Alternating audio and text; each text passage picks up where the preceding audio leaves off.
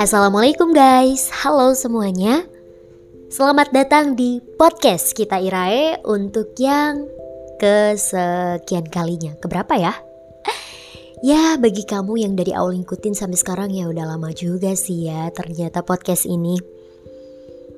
Oke, okay, I wanna say thank you first for you all Because ya dari awal sampai sekarang masih setia dengerin podcastnya kita Irae Oke, okay, podcast kali ini aku buat di malam hari Ditemenin rintik hujan sama dentingan Apa nih namanya? Jam dinding Di malam hari sunyi senyap Ya Demi kalian gasken bikin podcast Dan kita mau bahas apa ya?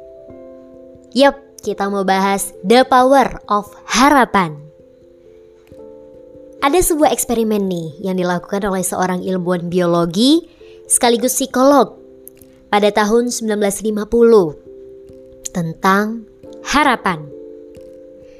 Ilmuwan itu mengambil tikus-tikus rumahan lalu menaruhnya di dalam tabung yang sudah berisi air. Waduh, namanya ilmuwan ya guys. Gabutnya ya gabut yang berbobot.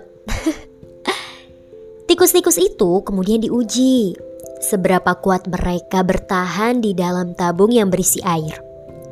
Ternyata tikus-tikus rumahan itu cuma bertahan beberapa menit sampai akhirnya kelelahan dan mulai pasrah tenggelam. Ilmuwan mengira, "Oh, kayaknya ini karena tikus rumahan jadinya lebih lemah. Gimana kalau tikus-tikus liar? Mungkin lebih tahan uji?" kata beliau. Akhirnya dicobalah tikus-tikus liar diuji dengan cara yang sama. Dimasukkan ke dalam tabung yang telah diisi air, lalu dibiarkannya tenggelam. Ternyata hasilnya sama aja guys.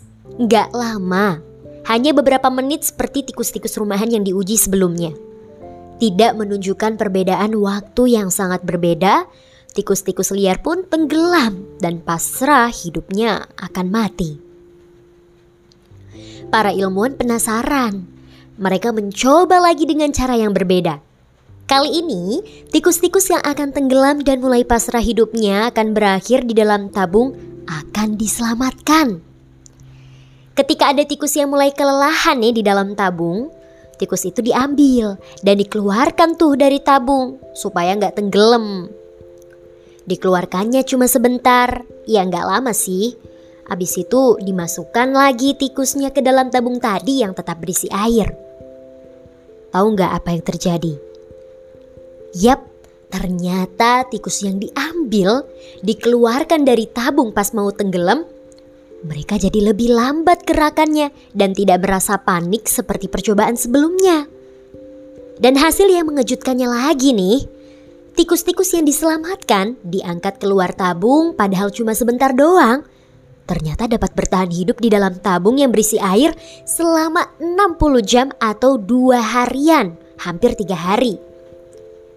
Lah, kok bisa ya kayak gitu? Kenapa?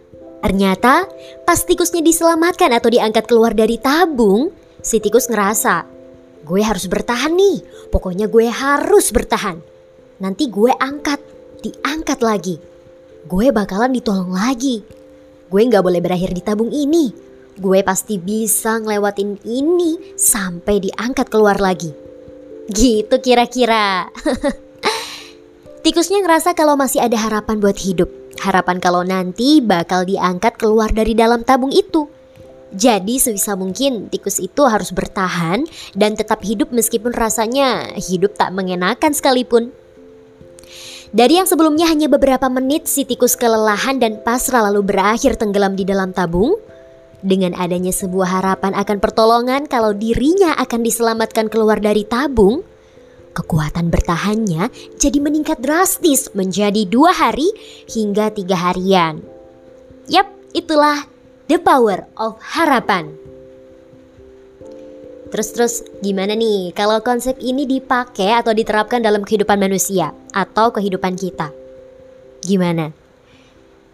Iya, ketika kita tahu kalau hidup kita rasanya seenggak enak itu, seenggak nyaman itu, sesulit, separah atau seingin nyerah sekalipun, gak ada lagi yang dapat kita perjuangkan, maka kita harus menemukan atau mempunyai sebuah harapan yang membuat hidup kita mau gak mau, hidup yang sekarang ini kita rasakan harus tetap kita lewati. Ya, walaupun rasanya lelah, ingin nyerah, berat, depresi, frustasi dengan masalah yang dimiliki masing-masing, kita harus tetap hidup. Karena apa? Karena harapan yang kita miliki. Lalu yang jadi pertanyaannya, gimana caranya memunculkan atau menemukan sebuah harapan agar kita tahan banting meskipun sekeras apa pun masalah kita? Yap, mungkin ada yang benar terlintas di kepala teman-teman pendengar. Berharaplah pada sesuatu yang tidak memiliki batas dan tidak pernah runtuh, yaitu Tuhan alam semesta, Allah Subhanahu wa Ta'ala. Ada yang gagal mendapatkan pekerjaan yang udah lama dikejar, ada yang gagal ujian masuk kampus yang diimpikannya, padahal udah belajar dengan teramat serius. Ada juga yang gagal mendapatkan doinya keburu dilamar orang lain padahal dirinya sedang memperjuangkannya juga. Waduh. Ada yang gagal mendapatkan teman yang disukain diem-diem padahal udah banyak melakukan nice try dan akhirnya terjebak dalam hubungan friendzone lalu menjadi badut. ya, dan ada banyak kegagalan-kegagalan yang lain.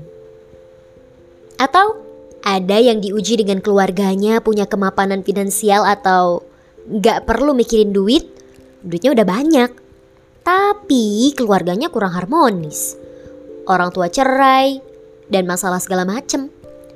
Atau keluarganya harmonis tapi dipusingkan dengan keadaan finansial. Kebutuhan ini itu, pendidikan lah, pekerjaan, segala macam. Atau lagi, keluarganya harmonis, finansial aman, tapi anaknya tertekan karena merasa dituntut oleh orang tuanya. Yuhu, semua orang punya masalah dan ujiannya masing-masing. Bagi mereka mungkin berat. Bisa jadi bagi gue ringan. Dan sebaliknya, bagi gue ini berat. Bisa jadi bagi orang lain itu ringan. Kita nggak bisa menjustifikasi seberapa ringan berat kadar ujian yang seseorang alami. Namun, Selama kita sandarkan hidup dan harapan kita pada yang maha kuat, insya Allah kita bisa melalui semuanya. Kita mungkin gagal di suatu bidang, tapi karena kita sandarkan harapan kita pada Allah, rasanya hati kita tenang-tenang aja. Gak panik, gak resah, gak takut atau mengkhawatirkan masa depan akan bagaimana. Dia yakin akan pertolongan Tuhannya. Yang penting gue gerak terus, gak nyerah, terus belajar hal-hal baru, melakukan sesuatu, gak diem-diem aja. Insya Allah, nanti ada pertolongan Allah dan akhirnya berhasil, berhasil, hore. Orang-orang seperti itu tuh hidupnya damai banget, serius, damai banget. Mereka gak ngerasa sedang berlomba cepet-cepetan mencapai pencapaian dengan orang lain, mereka nggak takut menjadi dewasa. Kalaupun mereka mengalami kegagalan mereka, ya mereka akan tetap berusaha dan mencoba lagi. Dan pastinya mereka tidak mengejar seseorang layaknya badut yang hanya ada saat dia gabut. Ada kasihan ya. Hidupnya tuh enjoy gitu kalau orang yang kayak tadi. Tapi produktif karena selalu yakin kalau pertolongan Allah itu ada. La khaufun alaihim walahum yahzanun. Tidak ada rasa takut pada mereka dan mereka tidak bersedih hati. Karena itu, kita harus selalu yakin dan percaya kalau pertolongan Allah tuh ada dan harapan akan selalu ada selama kita masih mau tetap berjuang dan gak nyerah. Insya Allah